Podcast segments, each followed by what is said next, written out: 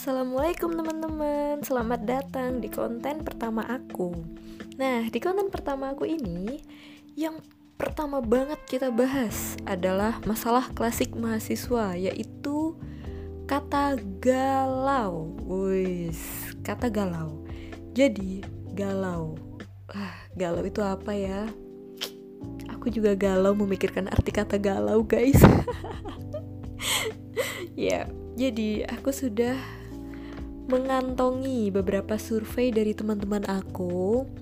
Jadi aku tadi tanya via WhatsApp sama mereka kayak wawancara sebenarnya maksud galau itu apa dan mereka itu biasanya galau karena apa.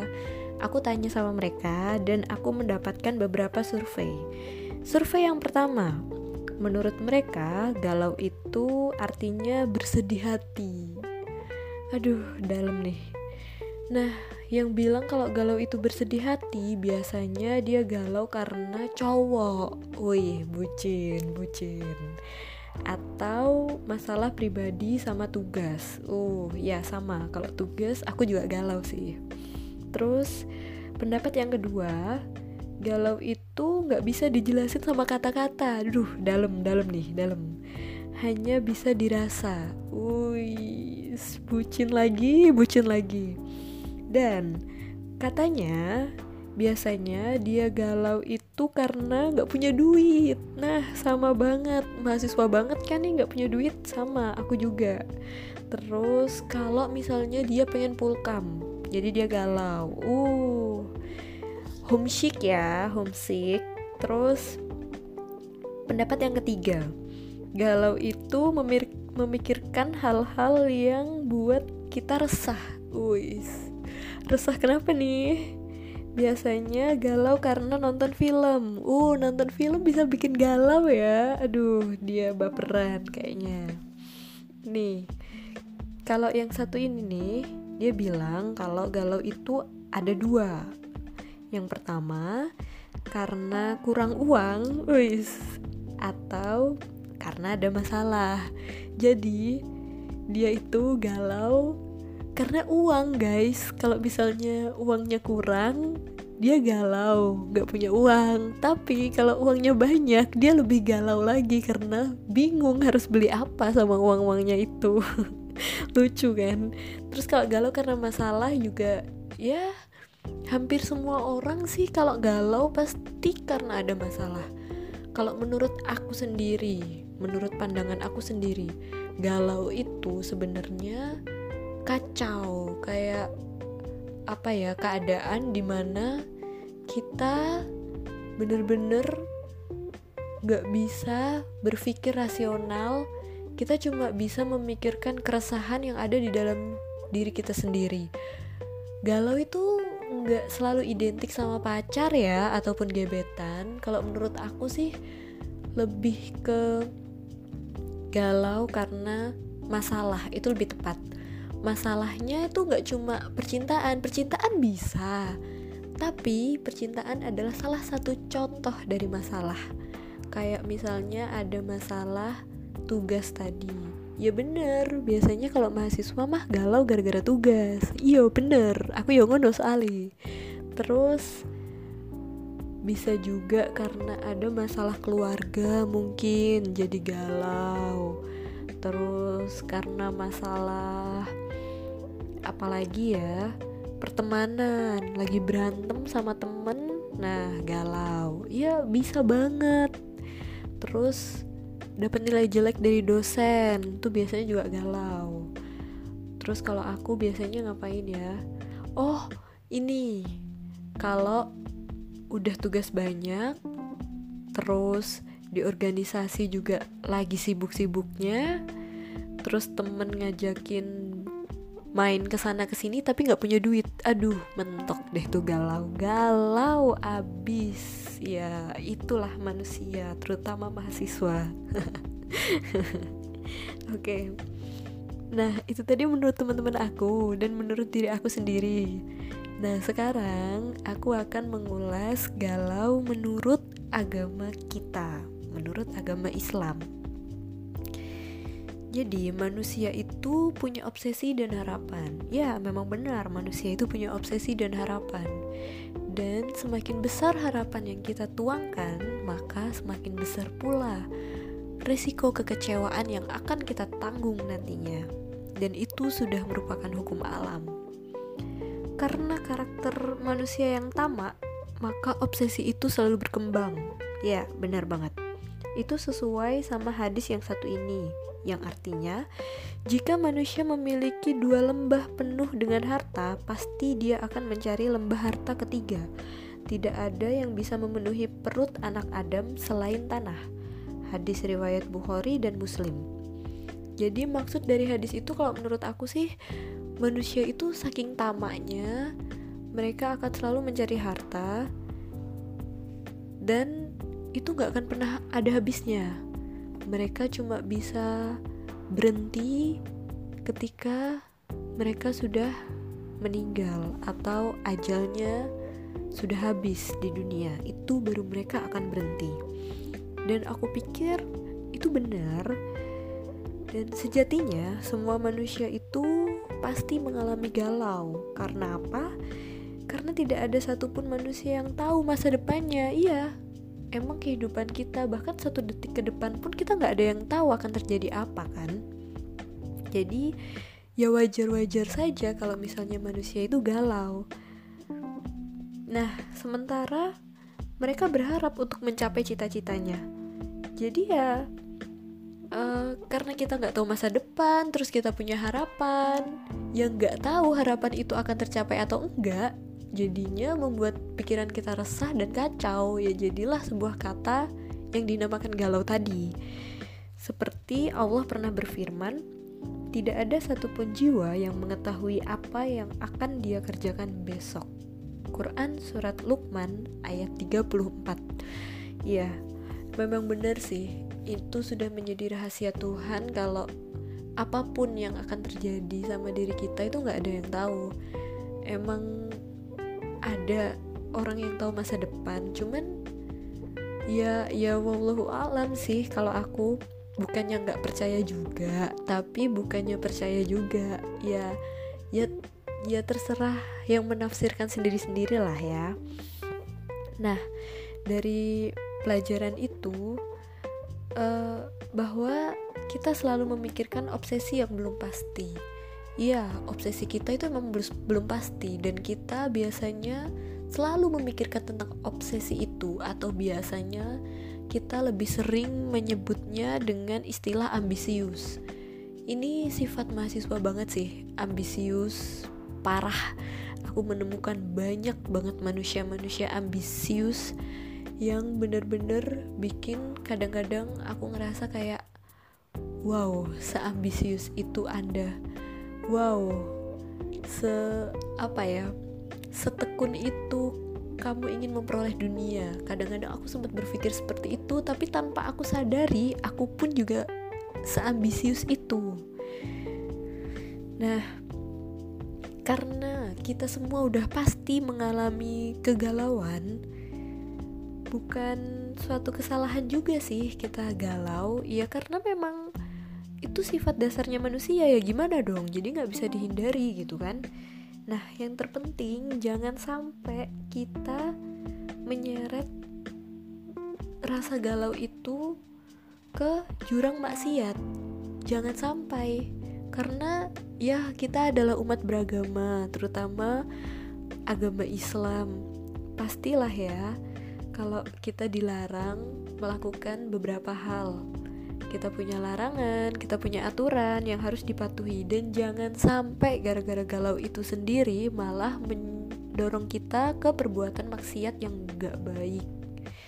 Nah, ini aku ada beberapa saran buat kalian yang misalnya lagi galau. Saran yang pertama, sibukkan diri dengan semua yang bermanfaat semua yang bermanfaat ini nggak mesti berkaitan sama akhirat ya guys. Bisa banget kita sibukkan diri dengan apa membantu orang atau kalau misalnya kita lagi galau masalah percintaan bisa kita sibukkan di organisasi atau kita sibukkan dengan belajar. Ya yang penting intinya menyibukkan diri dengan hal-hal yang positif yang tentunya bisa membuat kita bermanfaat berfaedah untuk orang banyak. Itu yang pertama. Terus yang kedua hindari panjang angan-angan. Panjang angan-angan tuh kayak apa sih? Ya yang kayak tadi aku ceritain. Tidak terlalu ambisius. Jadi ya kita ambisius itu boleh. Ya sebagai makhluk yang hidup di bumi kenapa enggak? Kalau misalnya kita bisa ambisius. Tapi jangan terlalu ambisius lah jangan terlalu membesar-besarkan. Kayak aku harus punya satu titik tujuan dan titik tujuan itu benar-benar harus tercapai. Yang nggak harus seperti itu banget. Kita ambisi boleh boleh banget. Manusia emang tempatnya untuk berambisi tapi kita harus tahu batasan-batasan diri kita. Kita harus tahu kapan kita berhenti, kita harus tahu kapan kita maju, kita juga harus tahu kapan kita harus berserah, kita juga harus tahu kapan kita harus optimis. Jadi semuanya itu serba seimbang. Ya nggak mungkin juga dong kita selamanya pasrah, nggak mungkin juga dong kita selamanya cuma oh ya udah jadi takdir aku kayak gini ya udah aku terima aja. Aku nggak mau uh, menyalahkan Tuhan. Aku nggak mau. Ya nggak boleh kayak gitu juga. Ya harus tetap berusaha berambisi itu boleh. Cuman jangan terlalu memiliki ambisi. Nah itu yang paling penting. Jangan terlalu berambisi. Dan saran yang ketiga jangan merasa dizalimi sama takdir jangan merasa dizalimi sama takdir itu ya hindarilah rasa iri sama orang lain, iri, dengki sama orang lain. Setiap manusia punya kelebihannya masing-masing, bukan? Jadi ya apa pun yang mereka lakukan yang merupakan kelebihan mereka, kita nggak perlu iri dong. Secara kita juga punya kelebihan sendiri gitu. Ya kayak misalnya aku suka banget di mata kuliah akuntansi, tapi aku iri sama mereka anak-anak kedokteran. Ya kenapa harus iri? Karena mereka juga kalau misalnya masuk ke dalam ranah akuntansi mungkin juga nggak akan paham kan dan mungkin mereka pun menganggap kita juga seperti itu jadi kenapa kita harus iri gitu loh kalau misalnya mereka anak kedokteran, pinter, cantik, kayak oh Tuhan, kenapa sih ini terjadi padaku? Kenapa harus kayak gitu? Semua manusia punya porsinya sendiri-sendiri kan? Semua manusia punya uh, sesuatu yang bisa mereka banggakan sendiri-sendiri. Kita punya kelebihan masing-masing dan kita harus sadari itu. Dan kita nggak boleh iri dengan apa pun keadaan yang ada di dunia. Kayak misalnya, kok aku masih kuliah ya, masih kesulitan ya. Sementara teman-teman aku udah berkeluarga, udah bahagia, udah seneng-seneng sama keluarganya.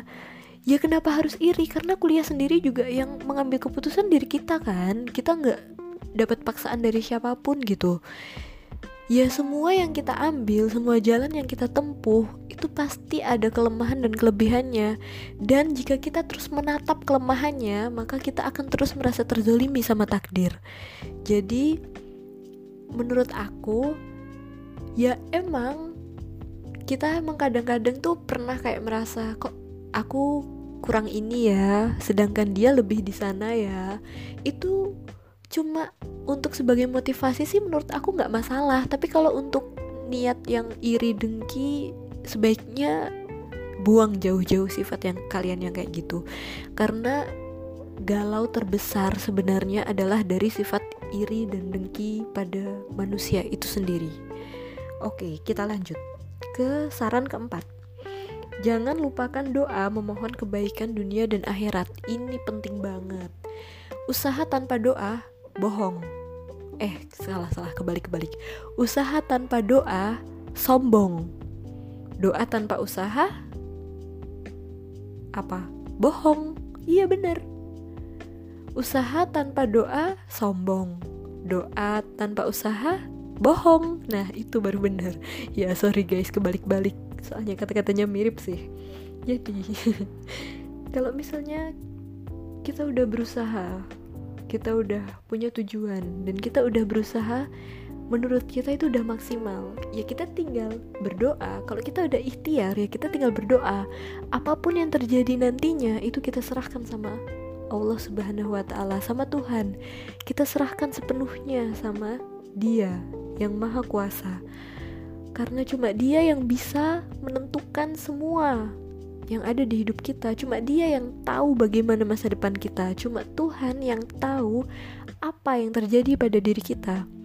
Jadi kalau kita sudah berikhtiar, kita sudah berusaha, ya sebisa mungkin kita jangan sedikit pun meninggalkan yang namanya doa.